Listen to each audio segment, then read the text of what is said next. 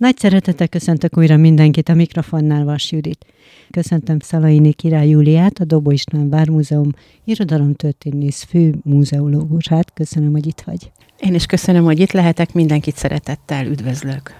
Mielőtt, mert ez egy portré beszélgetés, mielőtt rólad beszélgetnénk, jól látom, hogy te vagy itt a legjobb Gárdonyi Bolegerben?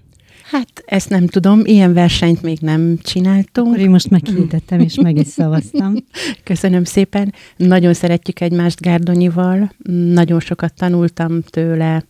Elég sok mindent megmutatott nekem, főleg a művein és a hagyatékán keresztül, úgyhogy még nem tudok mindent. Erről van egy nagyon kedves történetem. Dr. Korompai János volt, aki 1967-ben átvette a Gárdonyi gyűjteményt egy kedves tanítónőtől, és nagyon sokáig ő gondozta. Majd amikor János bácsi nyugdíjba ment, akkor átadta nekem ezt a gyűjteményt, nagyon sok jó tanácssal ellátott, nagyon sok irányt megmutatott, hogy merre menjek tovább, hogyan menjek tovább, és annyit mondott nekem, hogy ahhoz, hogy ezt a gyűjteményt feldolgozd, ahhoz kell még száz év. Úgyhogy ebből most eltelt ilyen 33-34 év, úgyhogy van még mit, uh-huh. van még mit tanulni Gárdonyitól, Gárdonyiról. De te is így látod, hogy bizony ez egy olyan hatalmas életmű, ami még sok titkot rejt neked is? Nagyon sok minden van Gárdonyiban, és nagyon sok minden van a Gárdonyi művekben, nagyon sok rétege van az ő műveinek. Van egy kedves történet a legtöbb könyvben, akár az Egri csillagokban, akár az Ida regényében, de az ember minél többször elolvassa, minél többször faggatja ezeket a könyveket, nagyon sok mindent, nagyon sok mindent megtanul, meglát. Gárdonyinak nagyon sok üzenete van, ő egy visszafogott, visszavonultabb életet élt, rendkívül sok mindenre rájött, és hivatásának, küldetésének érezte, hogy ezt minél több emberrel meg is ossza. Mm. Ezeket a gondolatokat, bölcsességeket, élettapasztalatot. Na, majd erre rátérünk. Még egy mondat erejéig maradok csak itt, aztán majd te leszel fókuszban, hogy mióta vagytok ilyen jóban egyébként? Hát most már én 36. évemet kezdtem a múzeumban, de Gárdonyival olyan 30-31 éve foglalkozom. Ez már egy tartós kapcsolat. Így van, ez már nagyon tartós. Az első öt évet múzeumpedagógusként töltöttem a múzeumban, és azok voltak a tanulásnak az évei, és utána, utána lettem irodalmi muzeológus. Uh-huh. Na, térjünk uh, rád. Honnan csöppentél Egerbe? Én Budapesten érettségiztem egy óvónői szakközépiskolában. Úgy emlékszem, hogy négy-öt éves korom óta szerettem volna óvónéni lenni. Valahogy mindig ez volt az álmom, és sikerült is bejutni. Ludovikás voltam, ezzel nagyon sokat viccelődtünk annak idején az osztálytársaimmal, a Ludovika épületében volt, az egyik épületében, az Üllői úti épületében volt ez az óvónői szakközépiskola.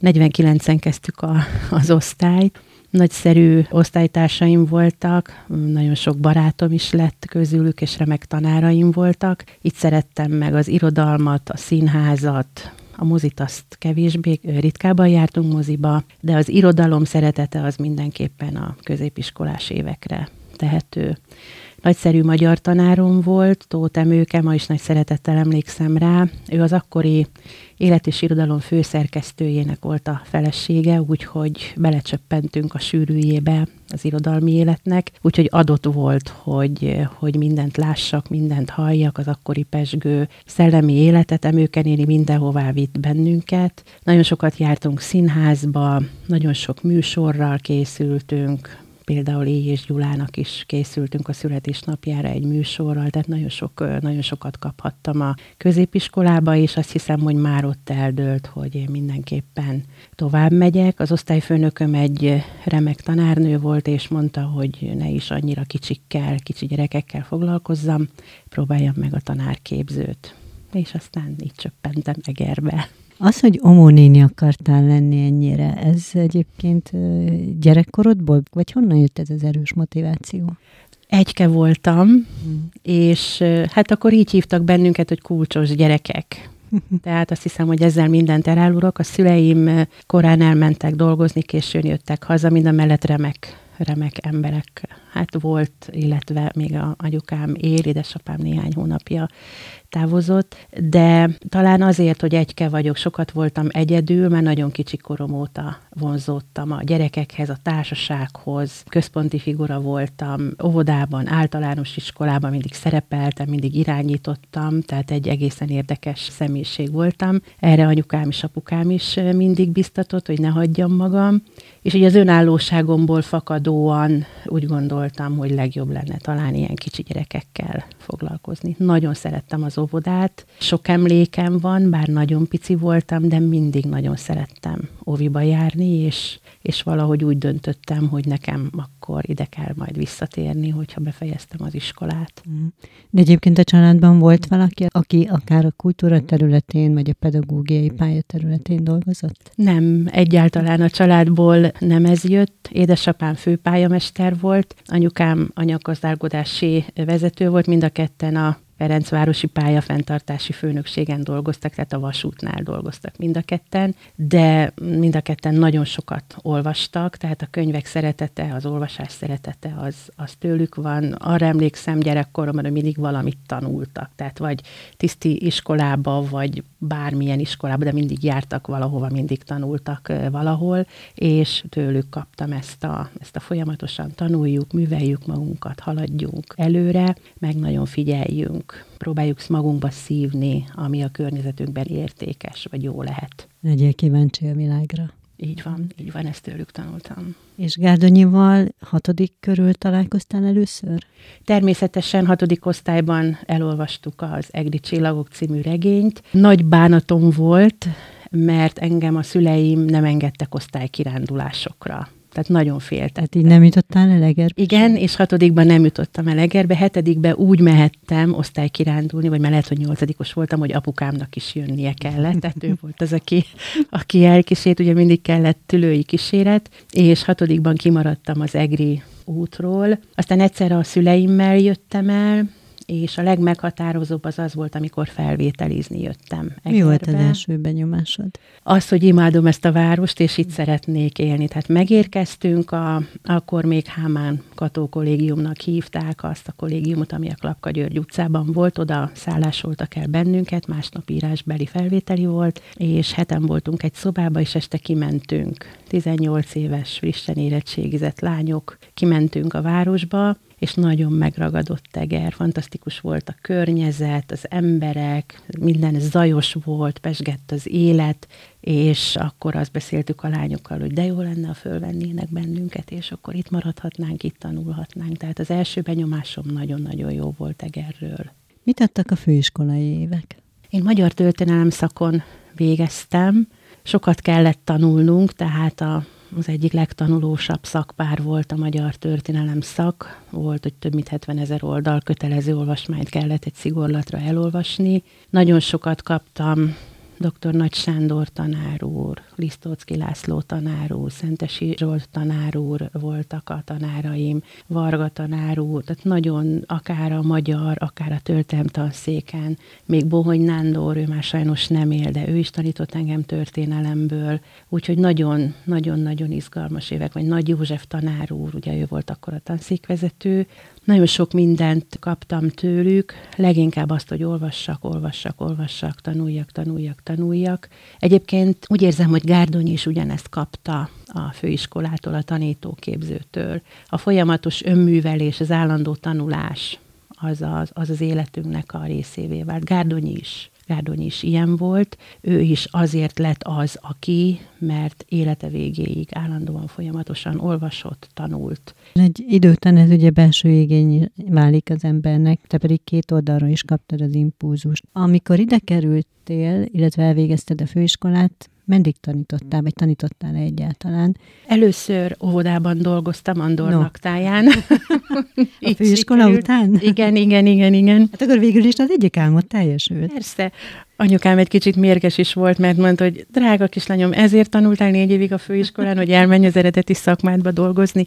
Tudtuk, hogy ez csak átmeneti, Egerben akkor nehezen lehetett tanári álláshoz jutni, úgyhogy először Andornak teljen az óvodában dolgoztam, nagyon szerettem. Igen, ez nagyon. annyira jó, hogy végül is valahol, ha nem is ez volt a végcél már egy idő után, de mégis teljesült az álmod, tehát kipróbálhattad magadot. Tehát alig néhány hónapot dolgozhattam így a szakmámban, de óriási, óriási mm. élmény volt. Utána nevelő tanár voltam a Szilágyi Gimnázium kollégiumában, az is egy jó kis feladat. Az is egy nagyon, igen, igen, nagyon-nagyon érdekes időszak volt, és még abban az évben, az első évben eljutottam a tízes iskolába, akkor ugye a Kemény Ferenc iskolát tízes iskolának hívták, és ott lehettem magyar történelem szakos tanár. Úgyhogy egy év alatt mindent is kipróbáltam, viszont jött egy fantasztikus lehetőség, június 27-től elmehettem dolgozni a Dobó István Vármúzeumba. Egy nagyon kedves ismerősöm szólt, hogy lenne egy múzeumpedagógusi állás,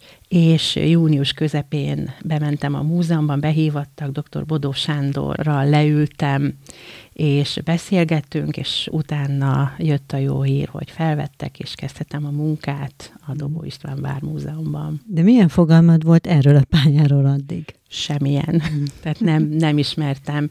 Múzeumokba jártunk, a múzeumokat nagyon szerettem, csak egészen másfajta, egészen másfajta oldalát láttam. Két nagyon kedves, idős barátnője volt anyukámnak, ők Pesten a nyolcadik kerületben laktak, náluk nagyon sok időt töltöttem, és velük nagyon sok múzeumba mentünk, tehát ők, ők nagyon sok felé vittek, illetve anyukámiknak is akkor még voltak programok, amikre, hogy a brigáddal, vagy az ismerősi körrel eljutottak, és szerettem a múzeumokat, de nem ismertem. Meg kellett tanulni, és amikor beültünk az irodába, gyakorlatilag mi találtuk ki bizonyos dolgokat, tehát azt, hogy a középiskolásokkal hogyan kellene foglalkozni, milyen lehetőségek rejlenek a múzeumban és a pedagógiában, tehát akkor ez még annyira gyerekcipőben járt a, a 80-as évek végén, hogy gyakorlatilag ki kellett találnunk, meg kellett fogalmaznunk, ki kellett alakítani a gyakorlatokat, az elképzeléseket, a helyszínt magát, úgyhogy ez egy úttörő munka volt, nem csak én, hanem több kedves és fel felkészült kollégával ezt az utat törhettük. Így indult a múzeumpedagógia. Mondjuk, ha most belegondolok, ez egy olyan ideális munka kell egyébként abban a szempontból, hogyha valaki érzi önmagában, hogy szeretne a pedagógiai pályán dolgozni, meg vonzódik a múzeumok a kultúra iránt. Ennek a kombója találkozik itt, ugye, és úgy, hogy a pedagógus pálya, én is pedagógus vagyok eredetileg, és elnézést minden pedagógusként, de ugye vannak ennek olyan negatív munkarészei, amit annyira nem szeret az ember, például dolgozatot javítani, vagy fegyelmezni. Tehát ezek ugye ki is estek nálad. Tehát megkaptad a legszebb részét ugye ennek a pályának, az, hogy a gyerekek kíváncsiságukat kielégítsd, ismereteket adjál át, foglalkozzál velük. És az, ami nem annyira az örömünk, az meg lemarad. Igen, az adminisztráció tetemes része az elmarad, úgyhogy tényleg csak annyi, hogy a gyerekekkel kell foglalkozni, ami adja ugye a nehézségét is, hogy van olyan év, hogy 1500-2000 gyerek is megfordul nálunk, és van olyan év, ebben az évben is 70-80-90 foglalkozást tartottam, tehát ez azért elég sokféle gyerek, nagyon sokféle helyről, határon túlról, kisfaluból, nagyvárosból, középiskolás, óvodás, tehát mindenféle korosztály, mindenféle helyről jön, de pontosan ez adja a nehézségét, meg a szépségét, és fantasztikus dolog így gyerekek közé csöppenni, hogy ismeretlenek, és van másfél óránk arra, hogy megismertessük Gárdonyival, Gárdonyi életművel, vagy az egri csillagokkal, vagy, vagy bármelyik más szegmensével az életműnek, és ez egy nagyon nagyon izgalmas, és tényleg nagyon szép. Tehát a, a fénypontja a munkámnak, amikor gyerekcsoport érkezik, és, és beszélgetünk, és együtt dolgozunk ott Gárdonyi közelében. Innentől nem volt kérdés, hogy Egerben maradsz. Egy percig sem volt kérdés. Nagyon örültem, hogy maradhattam, és ahogy már korábban említettem, így a múzeum pedagógia mellé így szépen be, becsorgott az irodalmi muzeológia is. Korompai Jánossal így egy irodában voltunk, ő már akkor ritkábban járt be a múzeumba, fantasztikus volt őt látni, ahogy egy kiállítást megálmodott, vagy amiket a legjobban szerettem a Gárdonyi sírnál mondott beszédek, eljött, beszélgettünk, és akkor azt mondta, hogy most kér 20 percet, sétált a sír körül, és olyan beszédeket fogalmazott meg, hogy egyszerűen gyönyörködtünk abban, ahogy beszél, amiket mond. Úgyhogy nagyon-nagyon sokat tanultam, főleg így az irodalmi muzeológiának az emberi oldaláról. Egyébként Bodó Sándor is ilyen volt tőle, is nagyon-nagyon sokat tanultam.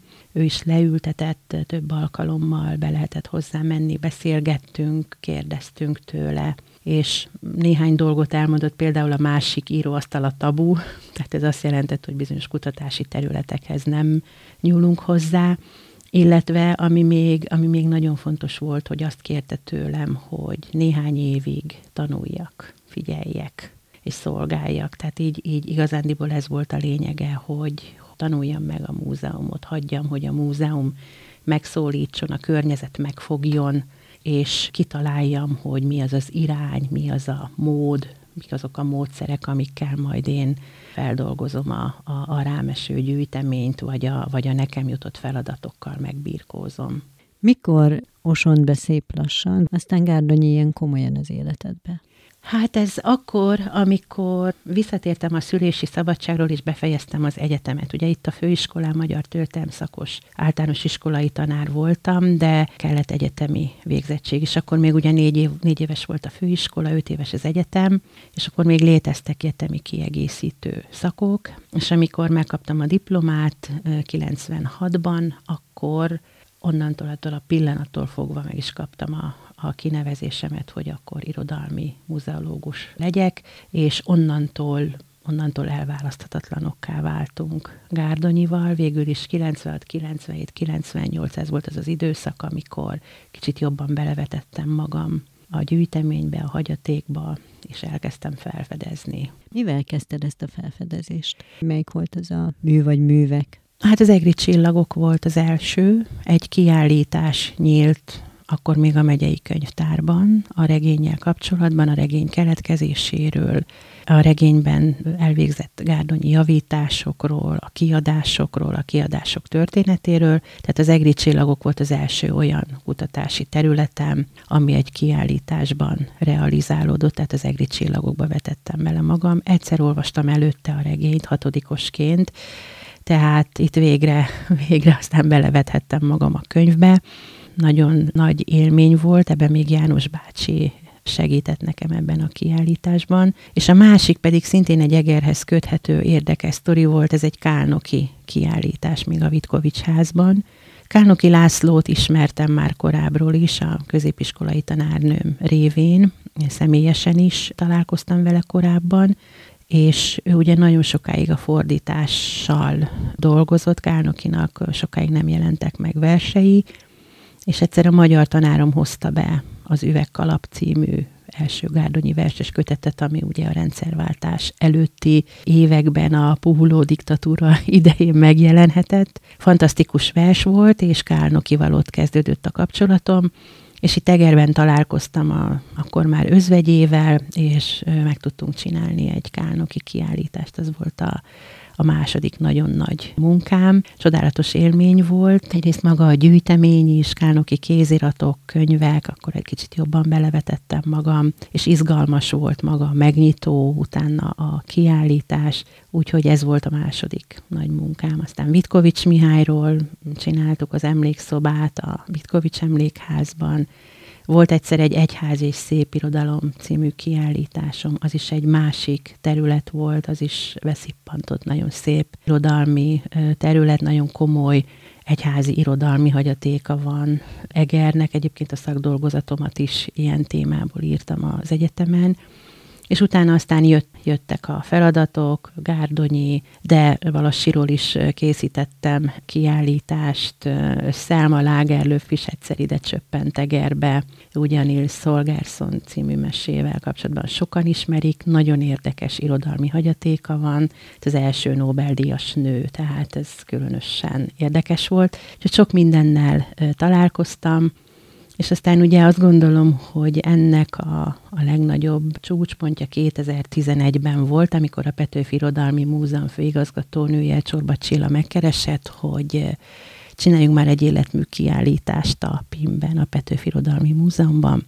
és ez egy egyéves komoly nagy munka volt, és 2011 novemberében megnyílhatott a Láthatatlan ember arcai című kiállítás, amivel aztán tíz helyszínre eljutottunk Magyarországon, illetve külföldre is vittük, Sepsiszentgyörgybe is volt ez a kiállítás, úgyhogy így, így alakult a, a gárdonyi élet, és közben nagyon sokat olvastam Gárdonyitól, illetve meg kell említenem a Petőfi Irodalmi Múzeumot is, hogy szakmailag rengeteget tanultam Csorba Csillától, Hábagó Ilonától, aki a kiállítási főosztálynak volt a vezetője, vele csináltuk a kiállítást, és hát ugye a 2013-as Gárdonyi emlékév, ami egy országos nagy megmozdulás volt, ez egy, ez egy hatalmas munka volt a kollégákkal közösen, úgyhogy így, így alakult, így próbáltuk népszerűsíteni, egyre több emberhez eljutni Gárdonyival, és úgy folyamatosan zajlik az életmű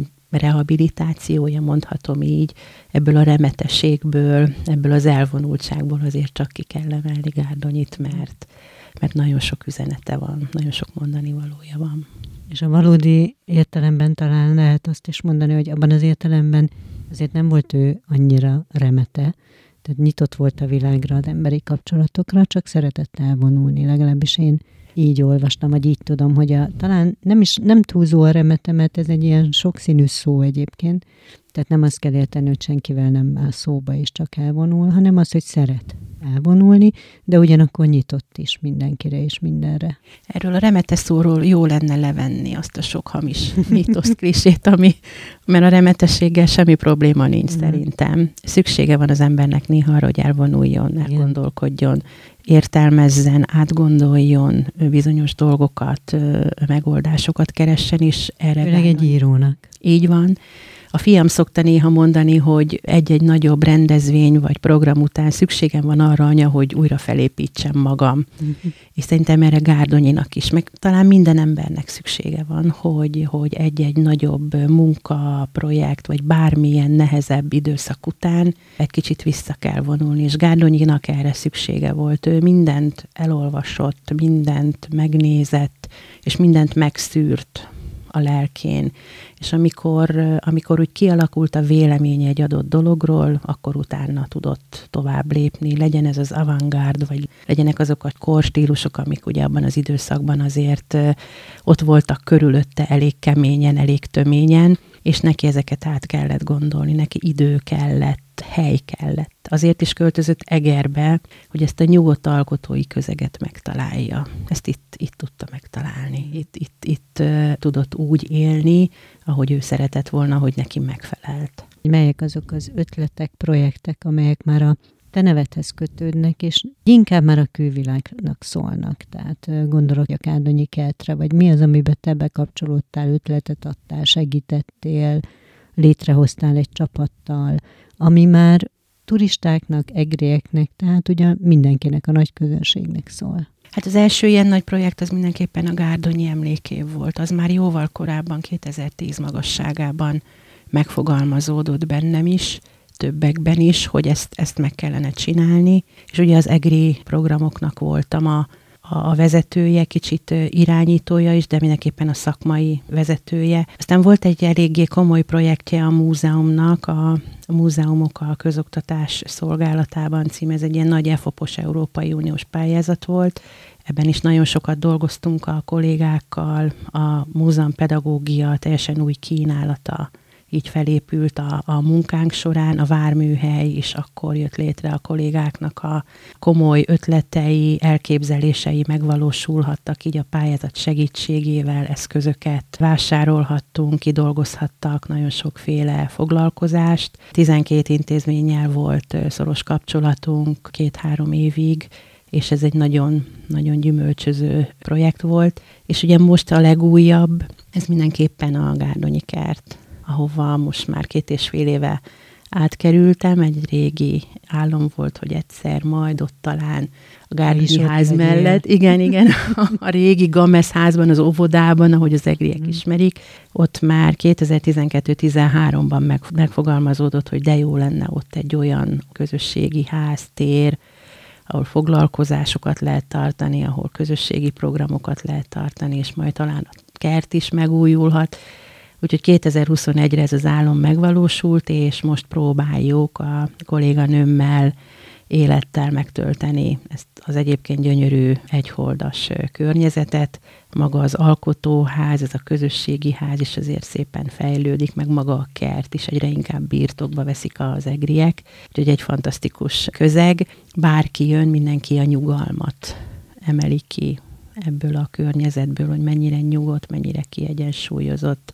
Végülis ez volt a célunk, hogy egy ilyen elgondolkodtató, alkotó közeg legyen. Tehát az maradjon, ami Gárdonyi Varázs volt annak idején, mert ő ezt hosszú évek alatt alakította így ki. Ő is mindig egy-egy kis részt vett meg, vásárolt meg.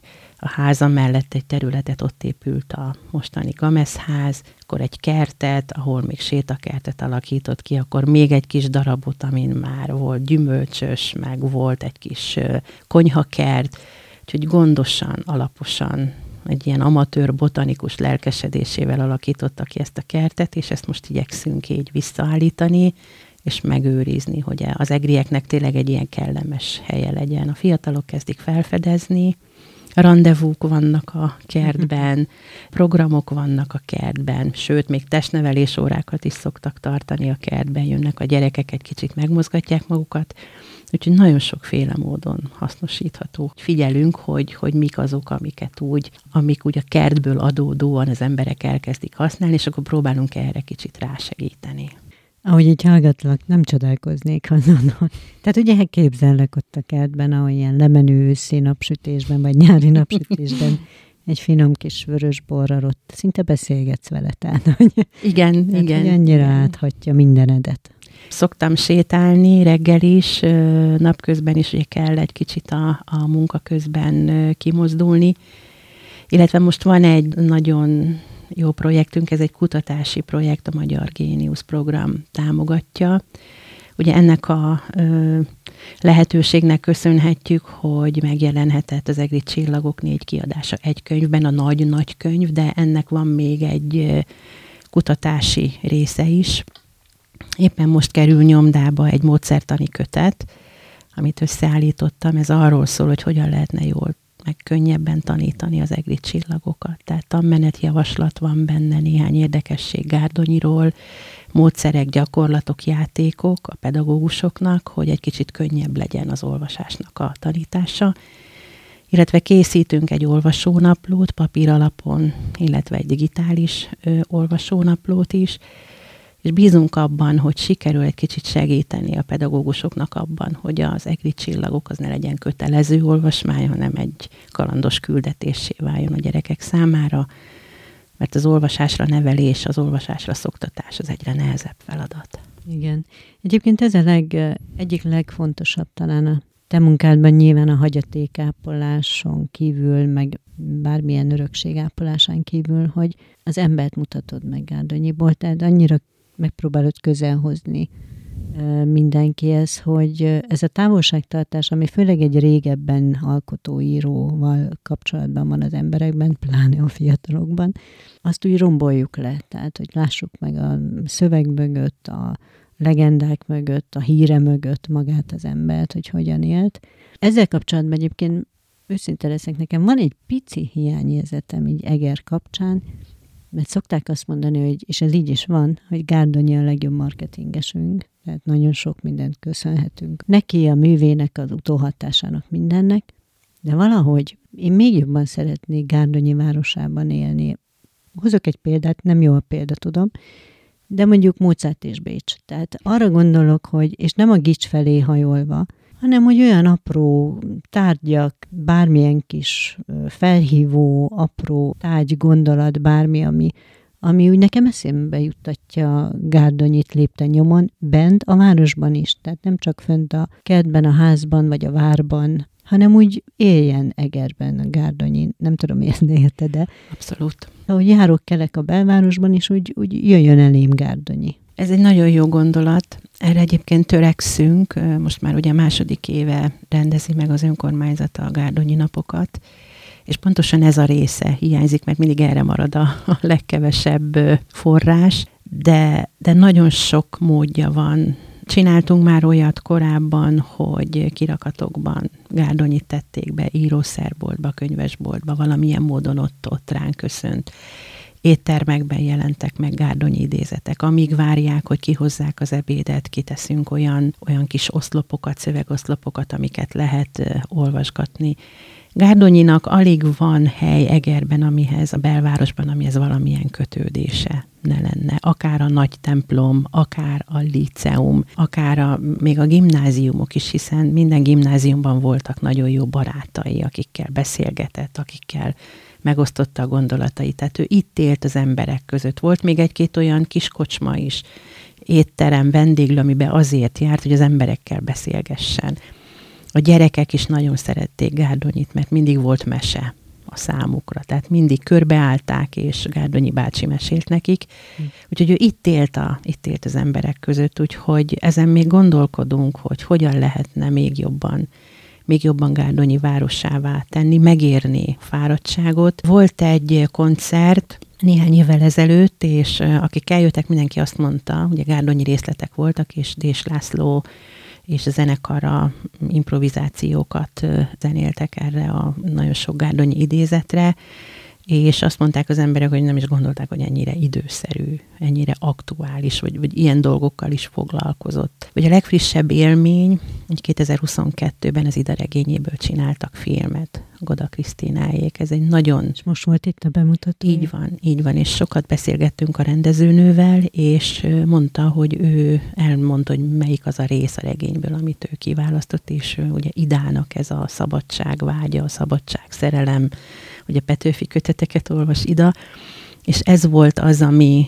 ami Goda Krisztinát, meg a forgatókönyvírót megragadt, és ezt a részét emelték ki a regénynek, és azt mondta a rendezőnő, hogy egy nagy álma, hogy szeretne egy romantikus végjáték sorozatot, de ilyen kicsit ilyen komolyabbat, kicsit történelmibet, és felajánlottuk, hogy a Hosszú hajú veszedelem című novellás kötet az nagyon jó mm. alapanyag lenne, azt mondta, hogy elgondolkodik, bogarat ültettünk a fülébe, persze ez nagyon sok mindennek a függvénye, ő erre nem tett semmiféle ígéretet. Ezzel csak azt akarom mondani, hogy eh, aki csak egy kicsit is közelít Gárdonyihoz, mindenki megtalálja a maga kedves Gárdonyiját.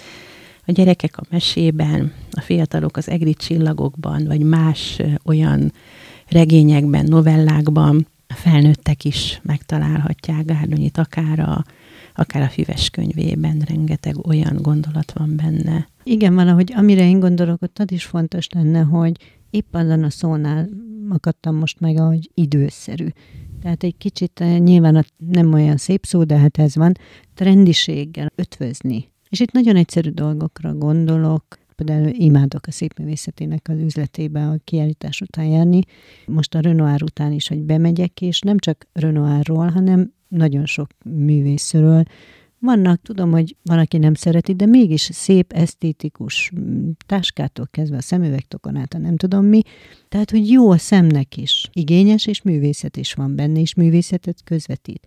Tehát valami ilyesmire is gondolok, hogy esetleg egy olyan nagyon jó helyen egy szép kis ajándékbolt, vagy egy gárdonyi kávéház, ami ajándékbolt is, és ahol tényleg tele vagyunk egri csillagokkal, gárdonyival, tehát nagyon sok ilyen. Igen, volt a kedvenc sütiei, például megy volt a kedvenc gyümölcse, ebből nagyon sokat lehetne kitalálni, nagyon sok felé el tudnánk indulni. Igen, így megmutatni, megmutatni magát az embert, és ahogy mondod, ezeket a múzeumi ajándéktárgyakat én is nagyon szeretem, tehát milliónyi bögrém, táskám, könyvjelzőm, képeslapom, ütőmágnes, ütőmágnes azt már ne is említsük, igen, igen, igen, tehát ezek, ezek olyan apró apró tárgyak, amiken keresztül tudunk kötődni Gárdonyihoz, és akik idejönnek, akár gyerekek, akár felnőttek, őket mindig a történet érdekli. Tehát bemennek a Gárdonyi házba, igen, megnézik a tárgyakat, hú, milyen nagy könyvtára volt, de amikor elkezdek mesélni mondjuk a pipatóriumáról, vagy egyes könyveiről, vagy egy képről, vagy a pénztárcájáról, vagy a bibliájáról, vagy az írógépéről, hogy ő kevésbé szeretett, de a fiai gépeltek. Tehát amikor az emberek megtalálják, vagy szembe találják magukat a tárgyak történetével, akkor onnantól már csak egy mozdulat, és már is benne vannak a, az író jelenlétében is. És ezek a tárgyak azok, amiken keresztül tudunk üzenni, tudunk beszélgetni, és amiken keresztül Gárdonyi is tud beszélni. Igen, csak hát tudom, nyilván minden pénzkérdése, de legalább a gondolat. igen, igen, el igen, tudunk igen. játszani. Mi az a legfőbb bölcsesség egyébként, amire ő megtanított téged?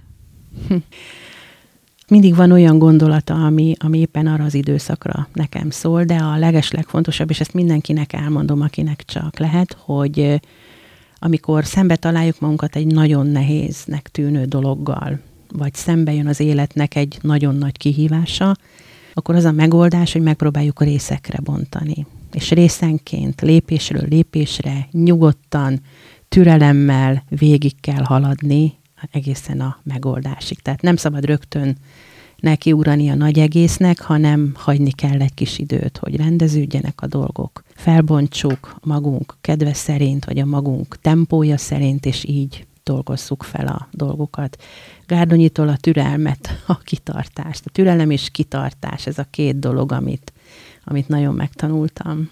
Hát igen, ezt azt hiszem sokan meg is tanulhatjuk. Nagyon szépen köszönöm, hogy eljöttél hozzánk. Én köszönöm. Kedves hallgatóink, köszönjük Önöknek a figyelmet, olvassanak Gárdonyit, látogassanak el Önök is a Gárdonyi kertbe.